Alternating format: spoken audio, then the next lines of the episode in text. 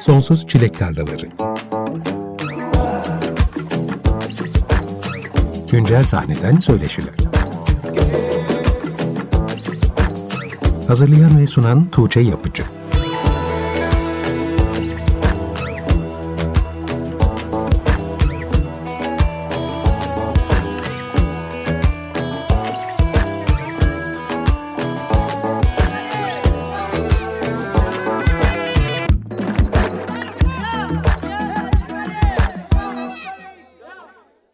Açık Radyo'da Sonsuz Çilek Tarlaları programından herkese iyi akşamlar. Ben Tuğçe Yapıcı. Bu akşamki birlikteliğimiz her pazartesi olduğu gibi saat 21'e kadar sürecek. İlk olarak Gökhan Türkmen'in Deli adlı parçasını dinledik. Artık biliyorsunuz ki programı her hafta konuğumun bir parçasıyla başlıyorum.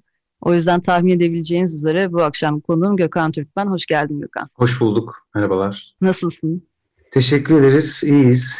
Siz nasılsınız? Ben de iyiyim efendim. Teşekkür ederim. Görüşmeyeli nasıl geçti son 10 ay? Oradan başlayayım. Yani ilk aylar güzel hissettirdi diyebilirim aslında. İyi geçiyordu. Ee, bir böyle kendini dinleme, kendine gelme, ne yapıyorduk biz demek, işte telaştan, işte genel olarak hayat telaşından uzaklaşma, çocuklarla çok vakit geçirme, yapamadığın şeyleri yapma, işte ertelediğin hobilerini bir şekilde e, yapabilme gibi mevzular e, süre gelince iyi hissettirdi. Ama tabii sonrasında ikinci dalgada böyle bir sonlara doğru, senenin sonlarına doğru yaşanan ciddi ciddi, daha ciddi mevzular birazcık daha böyle artık sıkmaya başladı yani mevzuyu. E, o yüzden de şu an fena değilim yani hani zor ama zorluyor yani çizgideyim, sınırdayım. Peki bu evde kaldığın vakit senin üretimini nasıl etkiledi? Belki başlarda herkesi daha iyi etkilemişti o vakit bulmanın verdiği bir hazla üretime kendini odaklayabilmek gibi bir şans yarattı ama sonradan insanlar belki müzisyenler biraz daha zorlanmaya başladılar motive olmakta. Sende nasıl gelişti? Yani benim üretim konusunda sıkıntım olmadı açıkçası. Ben pandemide üç tane şarkı yaptım. Üç tane şarkı çıkardım klibiyle beraber. Ee, bir tane albüm çıkardık. Dört yeni şarkıyla birlikte. Yani benim üretim konusunda bir sıkıntım olmadı. Hatta yani evden üretim, evden çalışma benim için böyle... Ben stüdyo müzisyeniymişim. Yani onu anladım mesela bu dönemde. Stüdyoda böyle ay, aylarımı, haftalarımı geçirebilirmişim yani onu anladım. Sürekli çalışabilmek, üretebilmek, masa başında bir şeyleri çıkarıyor olmak, çıkardıktan sonra insanlara sunmak, klibini çekmek falan böyle böyle mutfağından sonuna kadar olan kısımda sürekli benim işçilik e, durumum e, varmış yani. yani. Onu gördüm, anladım. O yüzden de bana keyif verdi açıkçası bu.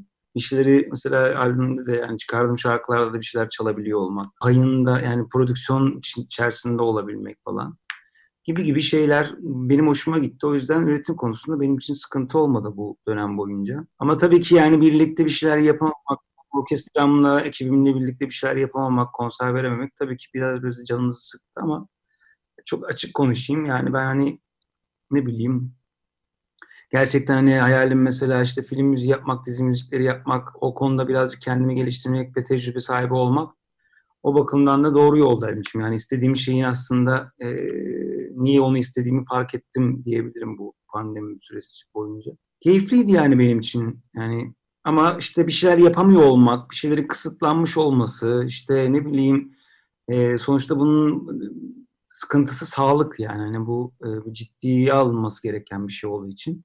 E, ve bütün dünya bunu yaşadığı için tabii ki birazcık böyle artık sıkıldık yani. Evet dediğin gibi özellikle ilk başlardaki kısım henüz çok daralmaya başlamadan önceki kısım ne istediğini anlama konusunda hiçbir zaman aslında hayatta belki de bugüne kadar bulamadığımız lüks bir zaman oldu bir yandan da. Çünkü her şeyden bu kadar uzak kaldığın zaman ancak neyi istediğini, neyi istemediğini anlayabiliyorsun. O koşturmanın içindeyken fark edemediğin şeyler bunlar. Şimdi Mart ayında iki hafta karantinada kaldıktan sonra verdiğim bir röportajı izledim.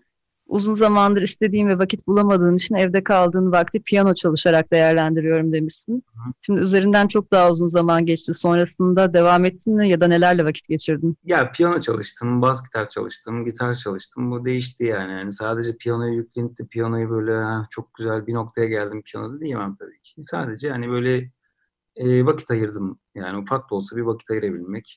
Yani bir, bir bazı şeylerde kafamın açılmasını sağlamak işte bana iyi geldi yani. Şimdi bas gitar çalışıyorum biraz. Bu e, piyanodan çok bas gitara yöneldim şimdi. Böyle çalışıyorum, takılıyorum, ritim açıyorum, ritim üzerine bas çalışıyorum falan. Riffler bulmaya çalışıyorum. Ee, biraz dans müziği yapmaya çalışıyorum. İşte önümüzdeki Mayıs ayından itibaren de birazcık bu tarzda şarkılar yapmak istiyorum. Biraz slow şarkılardan uzaklaşmak istiyorum. O yüzden de böyle elimden geldiği kadar çok riff bulup onun üzerinde şarkılar yapmaya çalışıyorum. Öyle yani hani enstrüman konusunda zaten çok e, yeni yani yeni çal, enstrümana da çok e, çalmayı çok seviyorum. Hiç çalmadığım bir şey çalmayı. Çaldığım şeyler üzerinde oynamayı da oyuncak gibi hani elimden düşürmemeyi de çok seviyorum. Şu aralar öyleyim birazcık. Bu da bana keyif veriyor aslında. Çünkü normalde bunu yapabilecek zamanım olmuyor. Hani sonra yaparım diyorsun, yarın yaparım diyorsun falan filan. Şimdi keyifli bir şekilde oturup hani zaten boş zamanım var. Oturup çalışayım bari diyorum. Benim kafamı açıyor yeni bir şey çalıyor olmak. Yani yeni, yeni bir enstrüman çalıyor olmak, yeni bir enstrüman keşfediyor olmak. Müzikalite açısından beni çok tatmin ediyor ve iyi bir yere götürdüğünü düşünüyorum. Peki normal şartlarda her ay yaklaşık kaç konser veriyordunuz? Yoksa daha çok turne dönemlerinde yoğunlaşıyordu. Hani normalde o kadar fazla olmuyor muydu? Ortalama haftada yani ayda 6 konser veriyorduk ortalama. Yani haftada 2 konser oluyordu bazen. Bazen bir oluyordu. O yüzden de 6, 5, 8 arası gidip geliyordu yani. Yani çok böyle yoğun olduğu zaman... Bunların bazıları şehir dışı oluyordu. Evet tabii bazen işte 3 de oluyordu haftada. Ama bir de oluyordu. O yüzden işte böyle 5-8 arası bir şey değişiyordu yani. O yüzden zaten konserlerden ciddi bir vakit arta kalması yaşanmıştır senin için herhalde. Ya zaten aslında konserden vakit kalıyordu. Haftanın 3 günü konser veriyorsun. 5 gün yine sende, 4 gün yine sende. Yani ama o kafa orada olmuyor işte yani. Hani sen hafta sonraki konseri düşünmekten hani güzel olsun, şöyle olsun, böyle olsun ya da o kafa yoğunluğundan ötürü bir gün öncesinden başlıyor zaten atıyorum. E bir gün sonrası da dinlenme oluyor. E zaten dört günün gitti yani hani baktığın zaman. Vakit bulamıyorum dediğimiz şeyler genellikle vakit yoğunluğundan değil o kafa yoğunluğundan kaynaklanıyor. Evet, yani boş kafa istiyor. Birazcık telaşsızlık istiyor. Yani sakinlik istiyor bir gitar çalışmak, gitar çalmak. yani boş boş bakmak istiyorsun bazen. Hiçbir şey düşünmemek istiyorsun bazen. Onu yapamıyorsun. Olmuyor işte yani hiçbir şey düşünmemek de iyi bir mesai istiyor yani. evet kesinlikle. Bu arada romantik albümü 19 Kasım'da çıktı. Sen de söyledin az önce karantina döneminde aslında pandemi döneminde yeni bir albümün çıktı. Aynen. Aslında 2019'dan beri albümün şarkılarını birer birer yayınlamaya başlamıştınız ama albümde dört tane de yeni şarkı yer alıyor. Evet. Albümün ismini ilk gördüğümde romantizm akımından geldiğini düşünmüştüm. Gerçekten de öyleymiş. Neden romantik oldu bu albümün ismi? Valla öyle aslında romantizm akımıyla alakalı bir durumdu. Ee, sen niye öyle düşündün? Mesela ne seni o şey gitti? Çünkü şimdiye kadar kendini hiç böyle romantik bir prens gibi konumlandırmadın. O yüzden de albümde böyle bir isim seçiyorsan altında daha derin bir şeyler olduğundan emin oldum. Valla süpersin. Yani e, romantizm akımından yani ben de çünkü benim arkadaşlarım da şimdi e, ulan o kadar romantik değilim değilim deyip deyip albümün adını romantik koyma ne kafası diye. Yani orada mizah gizli tabii ki ufak da olsa ama tabii ki bu romantik olmanın verdiği bir romantizm değil dediğin gibi. Ee, yani romantizm akımında coşkun olmak, e, duygu ve hisleri gizlememek falan gibi şeyler var. Bir bütünlük yaratmak var. Yani romantizm akımını okuyordum bir ara böyle bir uçakta falan. E, albüm ismi aramıyorken yani böyle hani oturup romantizm akımını o yüzden okumadım yani. Okuyordum böyle merak ettim falan. Oradaki çıkan eserleri gördüm, tanımlarını gördüm. İşte romantizm akımını niye çıktığını, neden çıktığını, ne için e, var olduğunu okuyunca e, yazdığım şarkıların sözleri, kendi hissiyatım, albüm süreci falan çok yatkın geldi. Yani hani bir romantik koymak istiyorum dedim sineme. Yanımdaydı. E, niye dedi yani romantizm akımı okudum da onu hatta. Yani baksana bak şöyle şöyle şeyler söylüyor falan diye. Yani çok ne bileyim hoşuma gitti. Ee, bir yandan da aslında hani romantik, yani romantiz, romantik mevzu zaten bence Türkiye'de işte yani algı karışıklığı yaratan bir şey. Hani ben romantik değilim mevzusu da öyle bir şey değil aslında yani. Ben kendime göre romantik bir adam bence. Yani romantik adam bence duyarlı adamdır zaten. Duyarlı olduğun zaman bir şeyin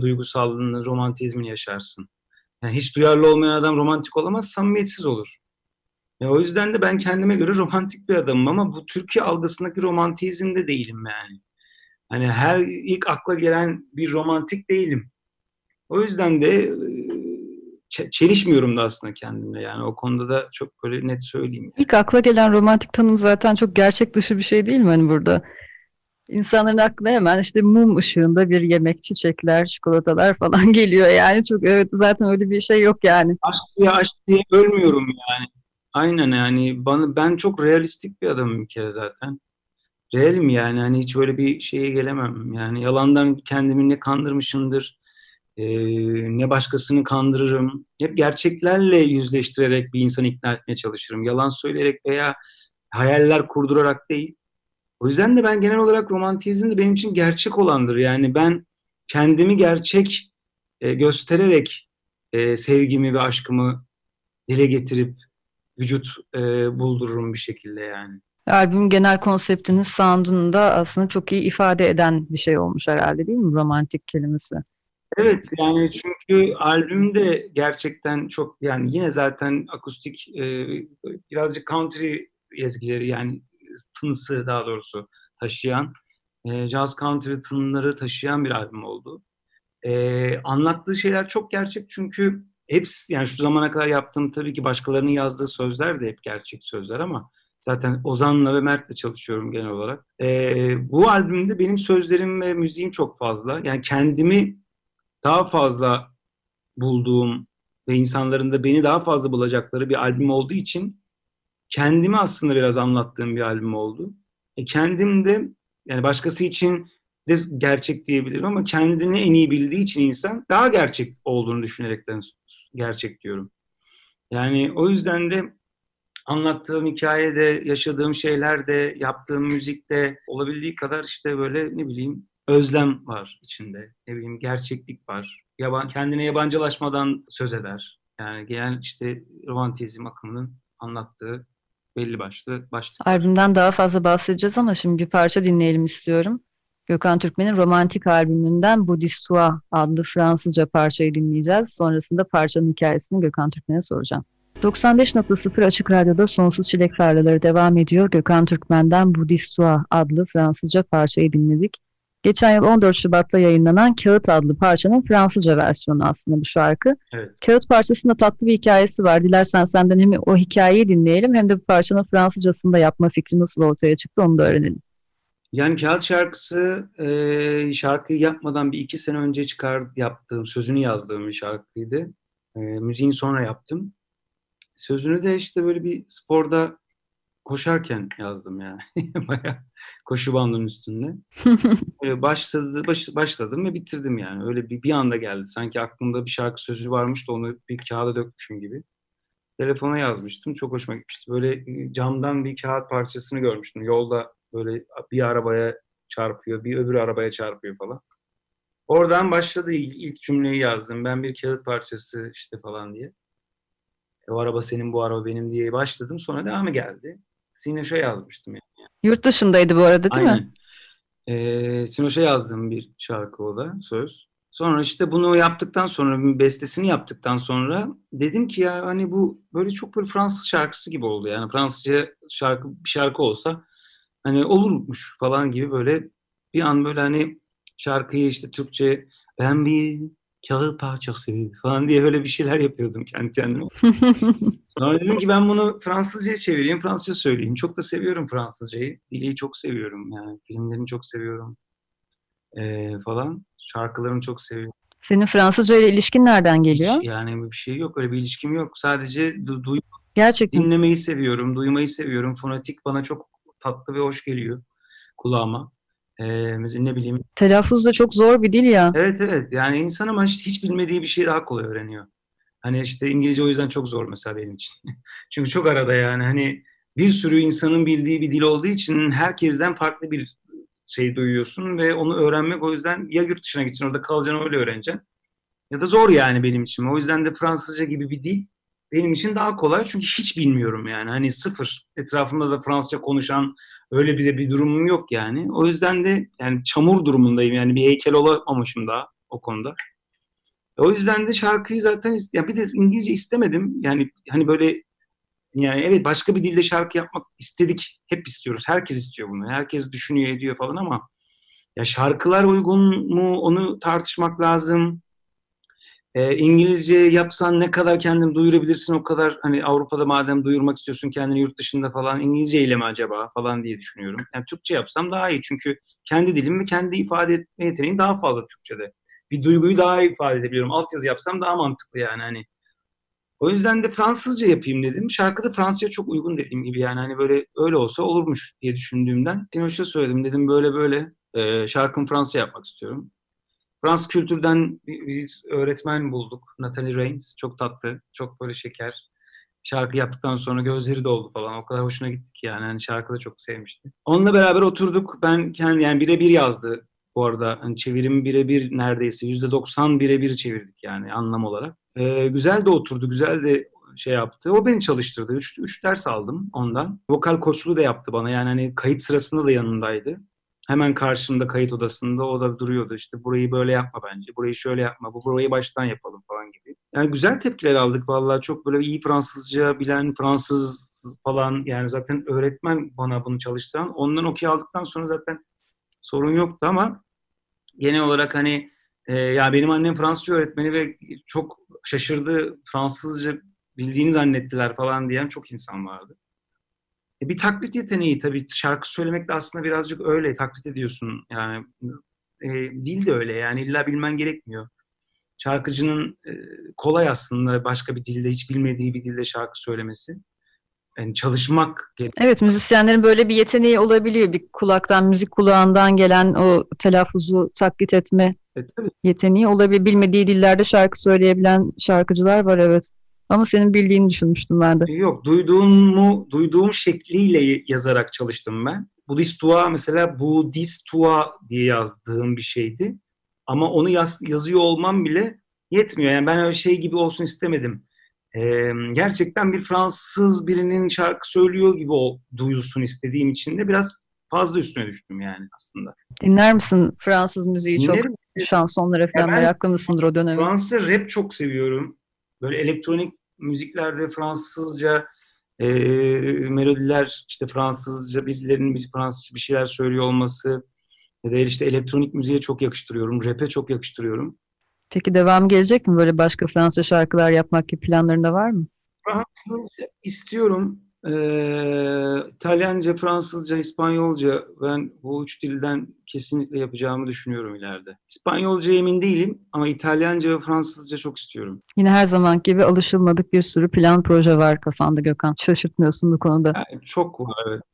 Çok var ya. Yani dur, durmuyor şeyim yani kafam çok fazla Hani bir de alışık değilim öyle oturmaya falan. O yüzden üretmek benim için dedim ya o yüzden diyorum işte stüdyo müzisyenliği benim tam beni şey yapan yani çalışırım yani hiç otururum hani müzik dinleyerek üstüne söz yazarım işte altına altyapı yaparız, beat yaparım, aranje yaparım, fikir veririm, enstrüman çalar yani, yani çalışırım bunun için. Şimdi ben her programın ortasında konuğum dışında başka bir sanatçının yeni bir parçasını da çalıyorum. Bugün fazla uzağa gitmeyeceğiz. Çok Sinoş dedin az önce. Hı hı. Sinoş Sinem Aksoy Türkmen'in yeni projesinin de ismi aynı zamanda. 8 Ocak'ta Bana Bir Kez Şans Dile diye yeni bir parça yayınladı ve bana sürpriz oldu açıkçası. Çünkü Sinem'in şarkı söylediğini de bilmiyordum. Böyle bir ilgisi olduğunu da bilmiyordum. Nasıl gelişti bu proje? Ya Sinem ben lisede Sinem'i keşfetmiştim zaten sesini. Yani çok güzel bir sesi var. Aslında rengi e, çok güzel e, biraz mezzo soprano tadında bir e, yani zorlasa altı da olurmuş ama mezzo soprano tadında bir rengi var. E, lisede zaten e, lise arası müzik yarışmasına katıldık onunla beraber. O benim back vokalistimdi. Ben de işte solistim, solistim. E, o zaman keşfetmiştik e, sesini Sinem'in. E, o zamandan beri hep böyle arada şarkı söyleriz beraber. Yani Sinem şeydir yani çok fazla her şeyde fikri olan ve bunu da hakkaniyetiyle yapmaya çalışan birisidir. Ee, ama mesela bu konuyla alakalı ben hep onu söylüyorum yani hani bana da bazen böyle bir sistem eder hani beni çalıştırmıyorsun bak şey yapıyorsun. Diyorum ki yani bunu senin istemen lazım. Benim istememle olacak bir şey değil. Bunu sen istediğin zaman zaten yaparsın. Hani ben sana hani hadi çalışalım dememem lazım. Yani bu bir tutku işi. Yoksa yeteneği çok fazla Sinoş'un. Oyunculukta da yeteneği çok fazla. Taklit yeteneği çok fazla. Taklit yeteneği çok iyi olduğu için zaten aslında mesela oturup yani tutku haline getirse şarkı söylemeyi taklit yeteneğinden ötürü çok acayip bir solist olabilir. Ama o bunu zaten zevk için, keyif için yapmak istediği için de bunu bir tutkuya dönüştürmüyor. Çünkü onun tutkusu şu an çalıştığı iş, yaptığı iş yani. Peki şimdi nasıl karar verdi yeni bir şarkı yayınlamaya? Ya o şey, e, bana bir kez şans dile mevzusu kendine söyledi bir şey. Yani hani etrafındaki arkadaşlarına bir şey yapmak istedi yeni yılda. E, dost çevremize. E, onlara böyle bir şarkı yaptı. Onlara yaptı bir şarkı. Yani hem kendine hem o etrafındaki arkadaşlarına yeni yıl hediyesi aslında o. Kafasında öyle bir şey vardı. Bunu basit bir şekilde yapıp hani böyle herkesten işte klibini de çektik hatta. Herkesten yürüme videosu aldı. Karşıdan karşıya geçerken. Hani bir yol alıyoruz. Hep birlikte bir yerden bir yere geçiyoruz tadında bir e, alt metni var. E, onu da öyle istedi bütün arkadaşlarından. Kimse neyi o için yolladığını bilmeden yolladılar. Onu da güzel bir e, kurgu yapıp klip haline getirildik. E, ve o normalde sadece böyle arkadaşlarına yolladığı bir versiyon olarak yapacaktı. Ben dedim ki bunu güzel bir şekilde yapalım. E, Genco Arı ile beraber yaptık. Ben bestesini yaptım. Prodüksiyonunu yaptık. Genco Arı da aranjesini yaptı. Prodüktörlüğünü yaptı. Çıkaralım dedim ben bunu. Niye çıkarmıyoruz ki tüm dijitallerden? Çıkaralım YouTube'a da koyalım. Belki dedim devamı gelir yani. Çünkü o bunun şimdi ateşini fitilini yaktığı için ben onu biliyorum zevk alacağını, keyif alacağını ama devamı gelecek. Şimdi söz yazmaya başladı mesela. Bir şeyler yazıyor.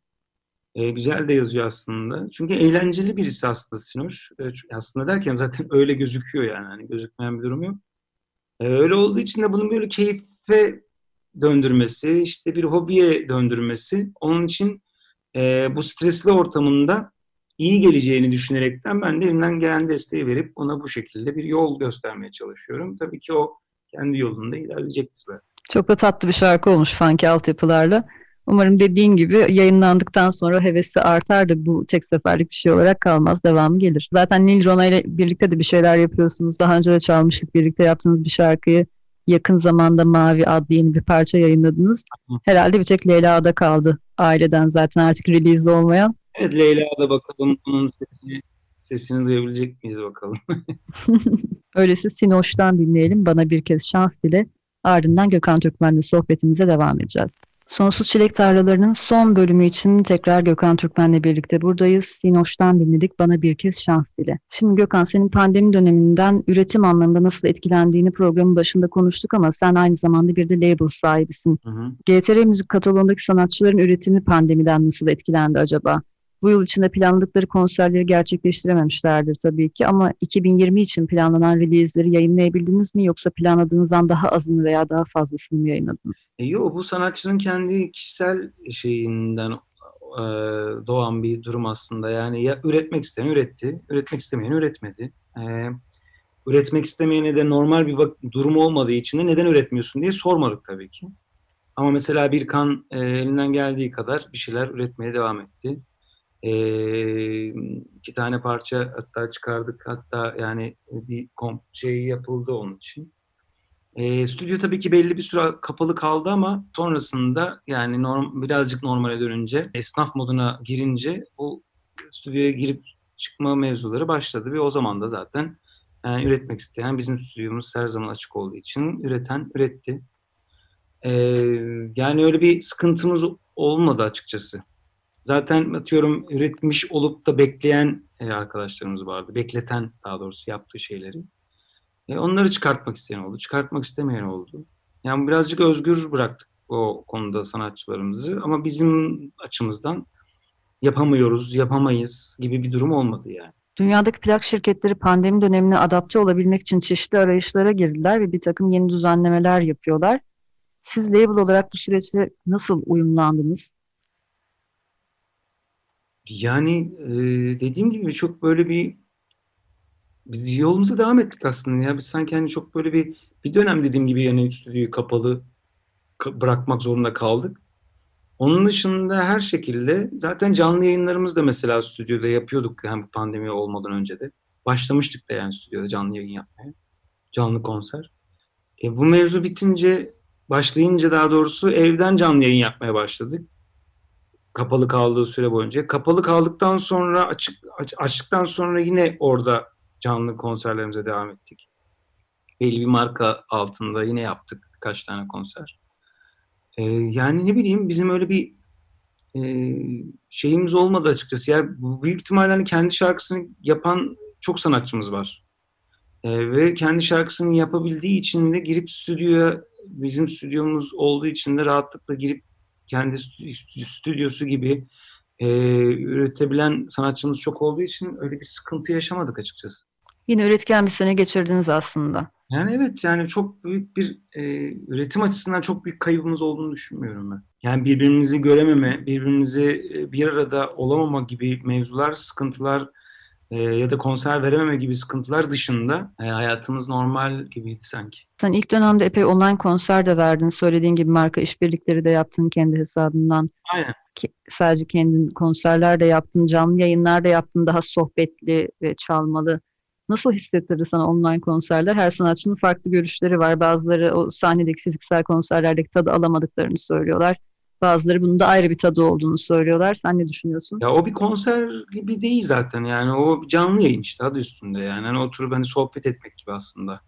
Şarkılarını oturup hani dinletmek yani buradayız. Hani şarkılarımız hala akıllarda. Biz de burada hala işte şarkılarını söyleyebiliyoruzu vermek aslında. O bir mesaj gibi bir şey gibi geliyor bana. Tabii ki tadını vermez aynı tadı yani o verebilir mi yani hani birebir görmediğin sürece ekrana bakarak şarkı söylemenin yani insana bakarak şarkı söylemekle aynı olması ihtimal dışı zaten. Yani ama bir şeyleri de yapmak zorundaydık yani. Hani sonuçta yeni şarkılar çıkarıyorsunuz, o şarkıları söylemek istiyorsunuz, insanları duyursun istiyorsunuz. E ilk başta tabii çok yüklendi herkes. Çünkü yeni bir şeydi.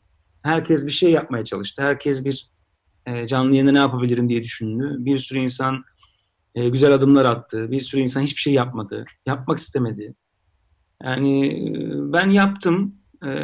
8 saatlik bir sağlık çalışanları için konser de verdim. Hiç durmadan 8 saat konserimiz de oldu. Bunu bir marka için yapmadım. Bunu kendim yaptım. Ama markayla işbirliği içinde olduğumuz konserlerimiz de oldu. Yani hala olsa yine yaparım. Yani o bir iş yani. Hani sonuçta ben o bir şekilde şarkı söylemem lazım yani. Ya evde kendi kendime söyleyeceğim ya da birisi teklif ettiği zaman onun aracılığıyla insanlara söyleyeceğim. Ya da kendim açacağım söyleyeceğim. Fark etmiyor yani. Önemli olan şarkı söylemek. Ben programa Kasım ayında başladım. O zamandan beri de alternatif sahneden sanatçıları konuk ediyorum. Tabii ki her biriyle pandemi döneminin kendilerini nasıl etkilediğini konuştuk. Hem üretim anlamında hem de maddi anlamda. Ama şimdiye kadar ağırladığım sanatçılar arasında en geniş ekibe sahip olan sensin. GTR Müziğin yani plak şirketinin dışında GT Band, adlı bir ekibin var ve en son seninle birlikte 9 kişiydiniz. Bu kadar geniş bir ekibin olduğu için senin açından daha farklı bir boyutu vardır Tabii. konserlerin iptal olmasının Tabii. diye tahmin ediyorum. Yani bu dönemde en azından müzik camiasının çok konuşulan bir konu. Sanatçıların ve sahne emekçilerinin konser gelirlerinin kesilmiş olması. Hı. Kalabalık ekipleri olan sanatçıların ekiplerine çeşitli şekillerde destek olmaya çalıştıklarını biliyorum. Sen bu anlamda neler yaptın ya da bu dönemde senin gibi kalabalık ekipleri olan sanatçılar nasıl çözümler buldular? Uzun vadede duruma bir çözüm bulmak mümkün mü? Yani e, şöyle söyleyebilirim. Tabii ki kötü bir dönem, icracı müzisyenler için kötü bir dönem oldu. E, bizim ekibimiz açısından herkes birazcık böyle sakin kalmayı tercih etti gibi hissediyorum ben. Çünkü bunu oturduk hani böyle bir şey geldiğinde ben teklif ettiğimde yapalım diye teklif ettiğimde bunu birazcık daha sakin kalmayı tercih ettiler. E, onun dışında e, bir arada olmak için elimizden geleni yaptık ama olamadık. Birazcık da böyle şehir dışında da herkes bir şeydi falan. Ee, bunun ne yapılması lazım gerektiğini yani tabii ki biz çok ötekileştirildik aslında yani müzisyen olarak. Sanki hani bir meslek sahibi değilmişiz de bunu gerçekten hobi olarak yapıyormuşuz. Başka mesleğimiz varmış da zaten bunu hobi olarak yapıyorduk. O yüzden para kazanmasak da olur bu işten gibi bir algı yaratıldı bizimle ilgili. Çok ötekileştirildi yani mevzu. E, bu bakımdan da çok yani iletişim kurulsaydı, bir muhatap olunsaydı zaten müzisyen duygusal adam yani hani kalkıp da bunu düzgün bir şekilde iletişim sağlandıktan sonra olmaz öyle şey verin bizim paramızı gibi bir algıda olacak insanlar değiliz. Sadece hiç iletişim sağlanmadan bir e, irtibat kurulmadan böyle bir şey yapıldığı için bu aslında biraz sinir bozdu. E, çünkü bu memleketin meslek e, yani bir mesleği olan bir adam müzisyen yani.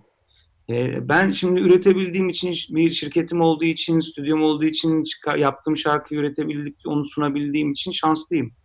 Ama sadece sahnede olan, hatta İstanbul, İzmir, Ankara'dan bahsetmiyorum. Doğuda ya da başka bir Anadolu'da pavyonda bağlama çalan, ile enstrüman çalan ve sadece bu gelir kaynağı bu olan belki de 50 lira 100 lira alarak bunu e, hayatını sürdüren insanlar var. Yani bunlar daha sıkıntı aslında. Daha kötü bir durumdaydı. E, yani bir an önce o yüzden iletişim sağlanması, muhatap alınması e, ve en kısa zamanda da bunun bir meslek olarak e, anılmasını diliyorum yani başka bir şey söyleyemiyorum açıkçası. Evet dediğin gibi aslında bence herkes için ayrı bir zorluğu var. Yani sadece sahneden edindiği gelirle kendi evinin kirasını, faturalarını ödeyen, yaşamını idame ettiren insan için ayrı bir zorluğu var. Ama büyük ölçekli, daha orta ve büyük ölçekli şöhret anlamında büyük sanatçılar için de ayrı bir zorluğu var. Çünkü onların daha kalabalık ekipleri var. Ama aslında ünlü isimler çıkıp da biz zorlanıyoruz dediklerinde bu çok büyük tepki görüyor. Bence o kadar onun da büyük tepki görmemesi gerekiyor. Çünkü çok geniş ekiplerin sorumluluğunu hissediyorlar üzerlerinde. Ya tabii ki ben de işte şarkı yani kendi ekibimle alakalı biz kimseyi işten çıkarmadık. Kimseye işte bak bu durum böyle şöyle bir şey yapmamız lazım o yüzden de e, kusura bakma işte durumları görüyorsun gibi bir sunumu yapmadık kimseye. Herkes de aynı şekilde devam ettik yolumuza. E, çıkardığım şarkılar içerisinde zaten orkestramın da orkestramdan da zaten arkadaşlarım çaldılar ettiler. İşte Bora zaten iki tane şarkının prodüktörlüğünü yaptı. E, Bostancı Gösteri Merkezi'ndeki yaptığımız konserin mixlerini işte basçımız Ferhin yapıyordu. Yani hani bir şekilde bir iş alanı yaratmaya çalıştık elimizden geldiği kadar. Yani elimizden gelen oydu, onu yaptık. Ama onun dışında zaten başımızdaki bir gücün bunu düşünüp buna e, ayak uydurup güzel bir e, sonuç ve şey bulması lazım yani hani sonuç bulması, sonuç getirmesi lazım. Yoksa biz elimizden geleni yaptık. Gelen de buydu zaten yani. Yapabileceğimiz başka bir şey yok. Evet kesinlikle doğru söylüyorsun. Umarım yakın zamanda bir şeyler değişir. Artık bundan başka bir şey söyleyemiyorum. Bu arada son olarak Motto Müzik'te Sonki 3 Kayıt diye bir program yaptın yakın zamanda. Geçen senenin son 3 ayında evet. sanırım. Her hafta farklı konuklarla birlikte izleyicilerden gelen videoları değerlendirdiniz. Bu videolarda amatör diyelim sanatçıların e, canlı performansları vardı. Ayın sonunda bir birinci seçtiniz her ayın sonunda. Üç ayın sonunda da büyük finalin birincisine GTR'den bir single yapacaksınız. Aralık ayında bu single'ın yapılacağı isim belirlendi. Senin için nasıl bir deneyimdi bu program? Güzel bir deneyimdi. Biz aslında ben orada yani öyle bir amacım yoktu benim ama ona dönüştü. Ben orada birazcık aslında bizim yaptığımız işin ne kadar önemli ve zor olduğunu anlatmaya çalıştım biraz. Gelen e, kayıtlar, videolar üzerine. Çünkü eskiden biraz zordu. Hani birilerinin şarkılarını dinletmek, yollamak, videosunu, kaydını yollamak. Şimdi çok basit. Basit olduğu için de birazcık bu işi artık hani hayatının merkezine müziği koyabilen insanların olması gerektiğine karar verip bunun üzerine eğildim. Yani yollayan, video yollayan arkadaşın sesinin güzel olmasının yetmediği, yani bu işte ses sadece sesin güzel olmasının yetmediği bir işin olduğunu anlatmaya çalıştım biraz. Bu iş tamamen bir paket işi. Bu işi yönetebilmek de önemli, sesinin olması da önemli, enerjinin olması da, ışığının olması da, şarkının olması da, şarkının sana uyması da, şarkının tonu da, her şeyin önemli olduğu çok zor bir iş. Bu zor olduğunu anlatmaya çalışarak aslında ilk haftalar mesela birazcık daha basit e, videolar, basit şeyler izliyorduk. Sonralarında daha profesyonel, daha düzgün, biz bunu anlattıkça daha e, kaliteli işler gelmeye başladı. E, çok değerli, çok tatlı, çok böyle işi gerçekten önemseyen e, müzisyen dostlarımla da tanıştım. Bu işi böyle hobi olarak yapan, yani müziği hayatının merkezine değil de işte kenarına köşesine koyan ama bundan da çok mutlu olduğum arkadaşlarımı da tanıdım. Çünkü müzik her zaman önemli, ritim çok önemli. Bu hayatının yani başka bir meslek de yapıyor olsan müziği iyi biliyor olman, iyi müzik dinliyor olman, ritim duygunun iyi olması her zaman senin yaptığın başka olan, o yap başka yaptığın işe de katkı sağlar. Bunu da anlattık, bunu da gösterdik, bunu da söyledik. Yani böyle bir bilgi veriyor olmak bence bunun bir meslek olması işte bu aslında sıkıntı zaten bu yüzden. Demin de, söylediğim gibi bunun bir meslek olarak görülmediği için biz bu sıkıntıları yaşıyoruz. Yani bizim bizim Mehmet'in şarkı şey sesi çok güzeldir.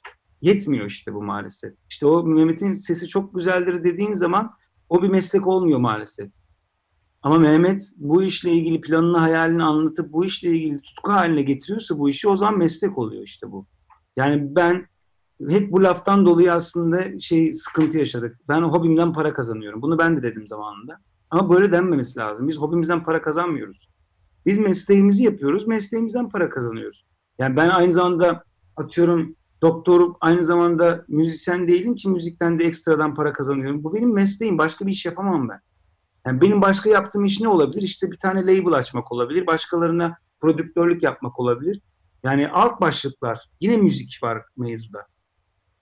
Biz bunu anlattık aslında. Yani benim burada birinci veya işte çok iyi bir şarkı söyleyen bir adamı bulmaktansa bu adamın bu işi ne kadar önemsediğini bulan adamı aramak aradık aslında biz.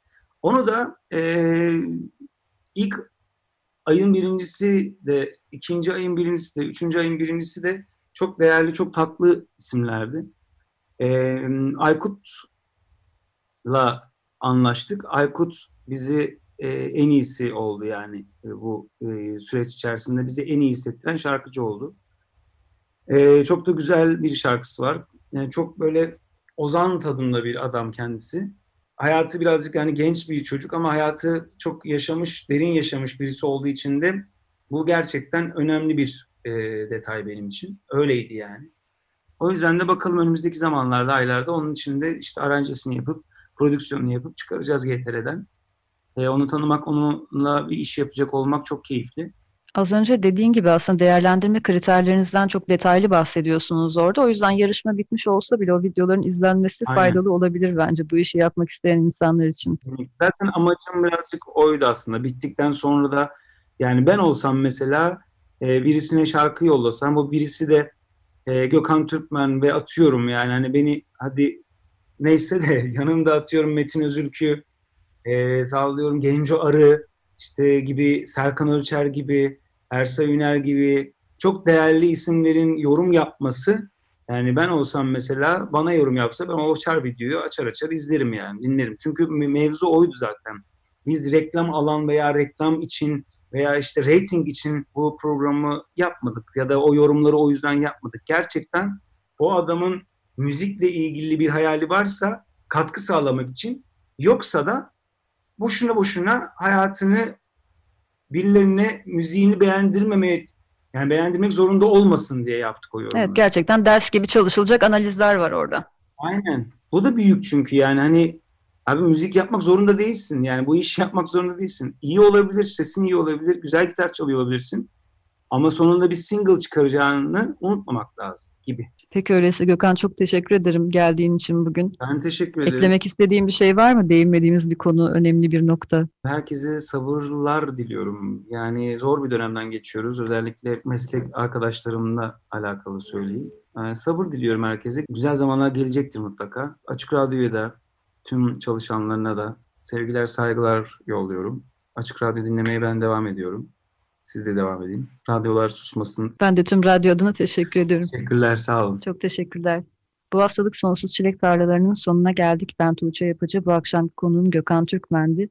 Gelecek hafta bu defa metal sahnesine doğru yol alacağız. Further Yıl ve Razor gruplarının vokalisti Başar Çelebi bizimle birlikte olacak. Further Yıl'ın 1 Ocak'ta yayınlanan Liberation Pet albümünü burada birlikte dinleyeceğiz. Tabii ki Razor'dan da bahsederiz. Son olarak sizleri Gökhan Türkmen ve Serkan Emre Çiftçi'nin geçen yıl Temmuz ayında yayınlanan Yüzme Vurma adlı parçasıyla 8 dakikalığına baş başa bırakacağız. Bizden sonra Açık Radyo'da yayın Vertigo ile devam edecek. Gelecek hafta pazartesi günü görüşene kadar hoşçakalın. What makes you feel, makes you up, makes you feel, makes you walk, makes you feel, makes you walk. Sonsuz Çilek Tarlaları Güncel sahneden söyleşiler. Hazırlayan ve sunan Tuğçe Yapıcı